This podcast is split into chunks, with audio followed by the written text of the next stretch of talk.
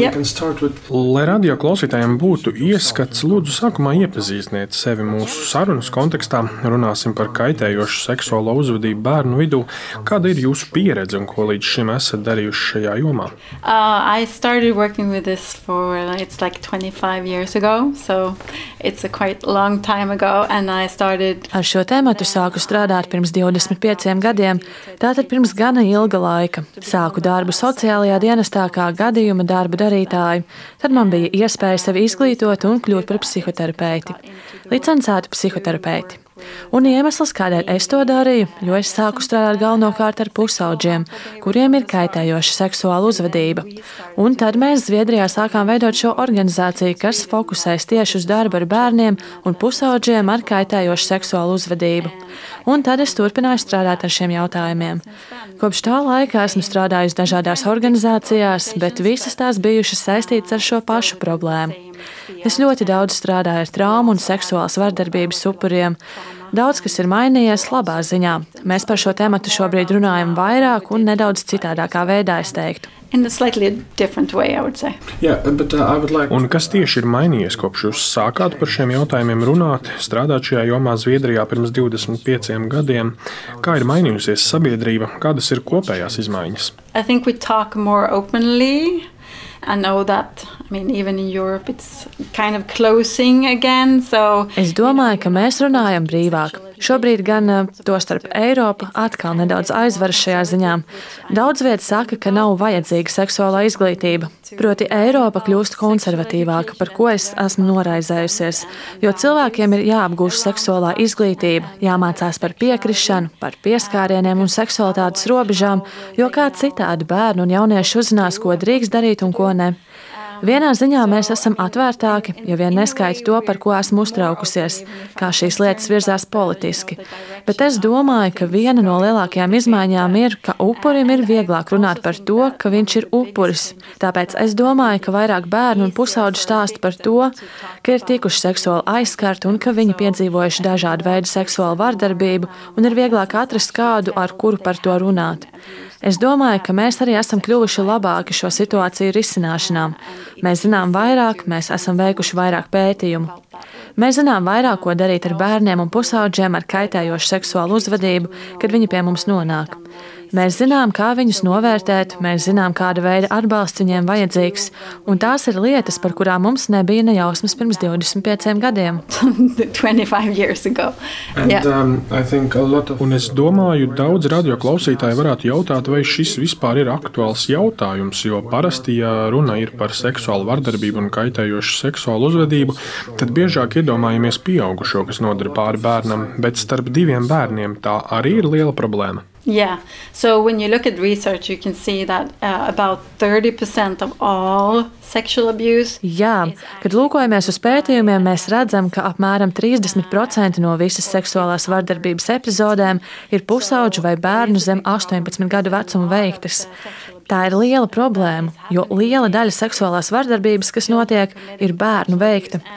Kad skatāmies uz pētījumiem par traumām un sekām, nav pat svarīgi, vai pāri darījuma veicējs ir bijis pieaugušais, pusaudzis vai bērns, jo traumas simptomi ir līdzīgi un tas var pāraukt kroniskās sekās, kā piemēram posttraumatiskajā stresa sindromā. Arī tad, ja jūs kā bērnu ir aizskāris cits bērns vai pusaudzis, tam nav nozīmes.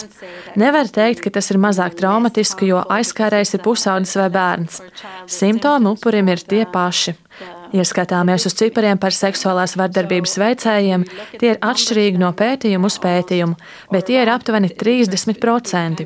Un Zviedrijā mēs par pārkāpumiem nereģistrējam bērnus zem 15 gadu vecuma. Un man, kas strādā ar šo grupu, es redzu bērnus, kas veic seksuālu vardarbību zem šī vecuma. Tātad šajā daļā ir ļoti, ļoti tumši cipari. Tur ir ļoti daudz vardarbības, ko mēs nereģistrējam un ko mēs neredzam, bet ko veic bērni un pusauģi that is also committed uh, by adolescents and children. Yeah. And, uh, you... Varbūt jūs varat dot kādus konkrētākus piemērus, kas ietilpst šajā kaitējošās seksuālās uzvedības terminā. Tie ir pieskārieni, nepiedienīga runa, kādi materiāli. It can be everything from, you know, sexual harassment, so saying sexual things. And...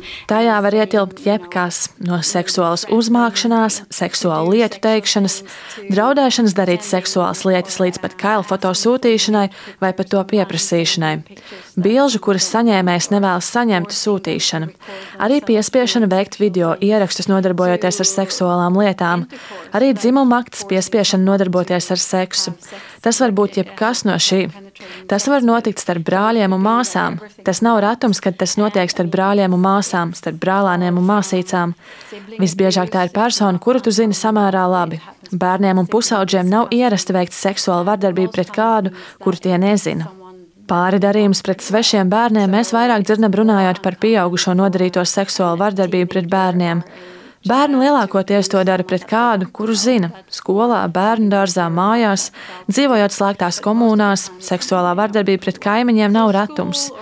Vietas, kur bērni uzturas vieni bez pieaugušiem.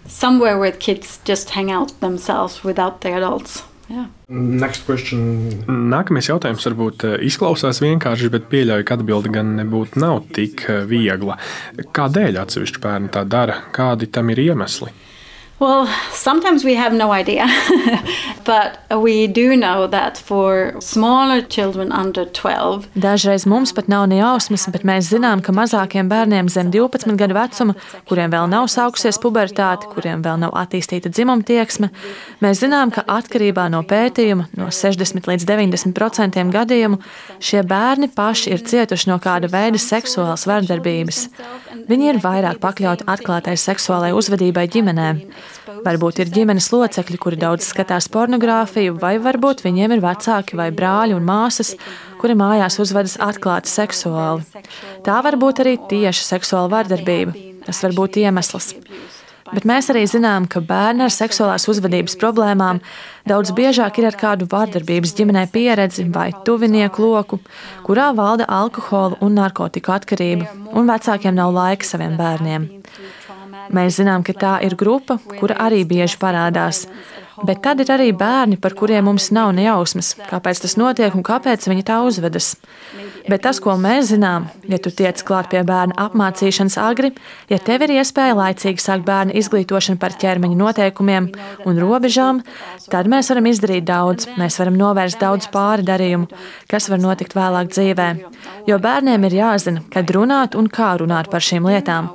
Pirmkārt, lai viņi paši varētu noteikt, ja kāds dara ko sliktu, bet arī tāpēc, lai noteiktu, kas ir un kas nav normāli, jo to, diemžēl, katram bērnam mājās neiemāca.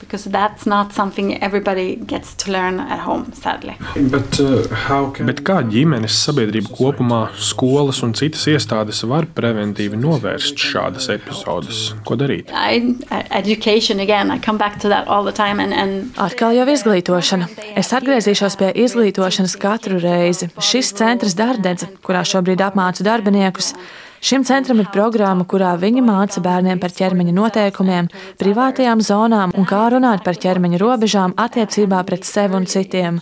Tas ir tieši tas, ko bērniem vajag un vajag agri, jau bērnu dārzā. Un tad mums tās sarunas jāatkārto, kad bērni aug, jo ar bērnu dārzniekiem tur runā citādi par seksuālajām robežām, jo tā nav viņiem saprotama lieta. Tu runā par viņu ķermeni un tiesībām pateikt nē, bet, kad tu esi pusaudzis un tava seksuālā attīstība sākas pa īstam, un kad tev rodas seksuāla interese, tad tev vajag to pašu palīdzību, bet vecumam piemērotā veidā. Jo tad tu sāc savas pirmās attiecības, un tev vajag palīdzību, kā ar to tikt galā, kā zināt, kas ir piekrišana. Tas ir grūti izskaidrot, kas tas ir un kā tu to saproti, bet tas ir dialogs, kas ir ļoti vajadzīgs. Jo mēs zinām, ka bērni daudz iemācās internetā, un daudz kas no tā nav pārnesams uz īsto dzīvi. Real, real And, uh, sometimes... Citreiz šī interese par seksualitāti ir daļa no normālas jaunu cilvēku attīstības.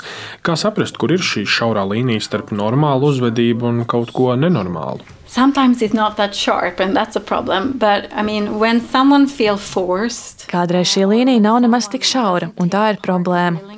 Bet, ja ir divi bērni, kuri novelk bikses, viens uz otru paskatās, pasmējās, tad ir divi bērni, kuri ir vienādi interesēti.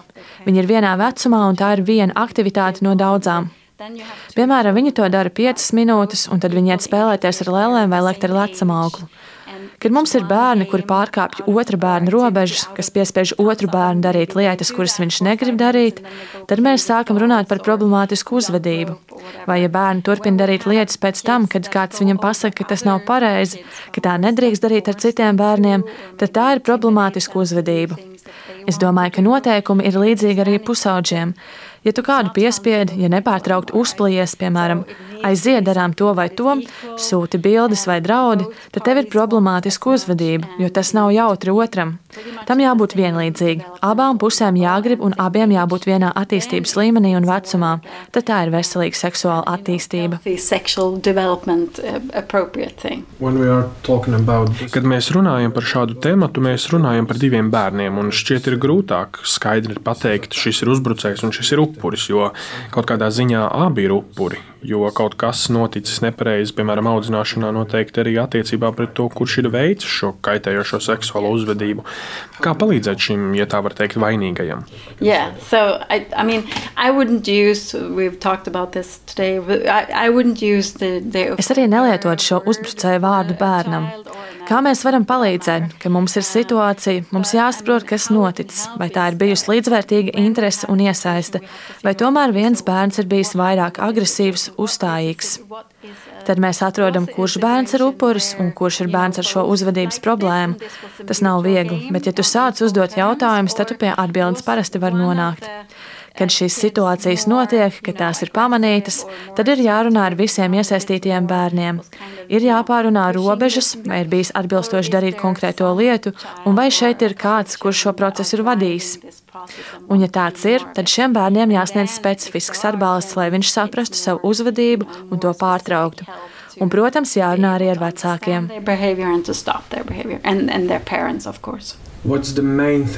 Kas ir galvenie darbi, ar kuriem sākt runājot par šīm lietām sabiedrībā? Zviedrijā jums jau ir samērā spēcīga sistēma, Latvijā šis atbalsts tikai tiek sākts, speciālisti tiek apmācīti. Nav iespējams izdarīt visu uzreiz. Kas ir tā galvenā lieta, ar kuru būtu jāsāk? I think the most important part is uh, what we talked about in the beginning is to educate uh, both parents and kids. Es domāju, ka galvenais ir tas, ko mēs runājām intervijas sākumā - izglītot bērnus un vecākus. Kā runāt par šo tēmatu, kā runāt par ķermeņa privātumu, kā izmantot pareizus privāto zonu nosaukumus. Katrai ģimenei ir savi nosaukumi, kādos tā sauc dzimuma orgānus, bet bērnam ir jāzina visiem zināmie nosaukumi, lai, ja kāds iet pāri bērna robežām vai dara ko tādu, ko bērns negrib vai kas viņam nepatīk, tad viņam ir jāspēj to pateikt pārdarītājam. Arī vecākiem ir jānodrošina izglītība. Pirmkārt, jau kā izglītot bērnus par ķermeņa daļām un robežām. Tai nav jābūt dzimuma izglītībai kā atsevišķai lielai lietai. Tas ir vairāk par to, ka bērnam ir jāiemācās, ka tu drīksti teikt, ko tu nevēlies, un bērnam jāiemācās, ka viņa privātās zonas ir īpašas, un neviens nav tiesīgs pieskarties tām, kamēr esi mazs, ja vien tas nav piemēram dakteris. Ja mēs to varam iemācīt jau sākotnēji, es domāju, mums būs daudz vieglāk nākotnē, pat ja seksuālās uzvedības problēmas parādās vēlāk, jo visiem uzreiz ir saprotams, par ko mēs runājam, un visi zina, kādi noteikumi tiek pārkāpti. Kind of talked, uh, un uh, dienā, kad runājam, jūs nu pat esat beigusi apmācīt uh, centra dārdedzes speciālistus. Ko jūs esat sapratusi no viņiem? Cik apmācīti, cik labi šajā jomā ir šie cilvēki šobrīd? They are really good at this topic, and I mean, the, this center and the program they have for. Viņi ir ļoti labi šajā jomā. Šim centram ir programma, džimbas drošības programma, kurā bērniem māca par ķermeņa privātajām daļām un ķermeņa noteikumiem. Tā ir lieliska. Es nekur neesmu redzējis neko līdzīgu. Es ceļoju daudz un uzstājos visā pasaulē, un nekad neesmu redzējis neko tik pārdomātu un profesionālu. Latvija ir laimīga, ka jums ir šāds centrs, kas var strādāt ar visu valsti. Viņi zina daudz. Es domāju, ka arī viņi paši var doties pasaulē un mācīt citus. Jo es domāju, ka pārējā pasaule ir gana laba strādājot pēc tam, kad kaut kas notiek, bet varbūt ne tik labi prevencijā. Ja ir laba prevencija, tad cerams, mums nebūs tik daudz seksuālas vardarbības gadījumu. Hopefully don't have as many sexual abuse cases. Like Noslēgumā es vēlētos jums dot tādu kā atvērto mikrofonu, proti, vai ir vēl kādas svarīgas lietas, nianses, kuras mūsu sarunas kontekstā jūs vēlētos izcelt? Yeah, I think I've gotten uh, the education part through, but I do also think that it's important that when... Jā, mēs pārunājām izglītošanas daļu, bet svarīgi ir arī domāt par to, kā nodrošināt, ka tad, kad šādi notikumi notiek, ka ir iespēja ar kādu sazināties, lai ir kas palīdz situāciju atrisināt, palīdz saprast, kas noticis. Mēs zinām, ka, ja notiek ātra iesaistīšanās, tad risks, ka tiks darīts vēl kas slikts, ir daudz zemāks. Ir svarīgi, ka pārdarītājus uzzina sociālie dienesti un iestādes, kas var palīdzēt. Jo ātrāk mēs šo informāciju nododam, jo mazāk iespēja, ka darbība tiks atkārtota. To izdarot, mēs izglābjam daudz iespējamos nākotnes upurus. Svarīgi, ka bērni un pusauģi, kur izrāda šādu uzvedību, saņem palīdzību ātri. Lielas paldies jums! Thank you! Paldies jums!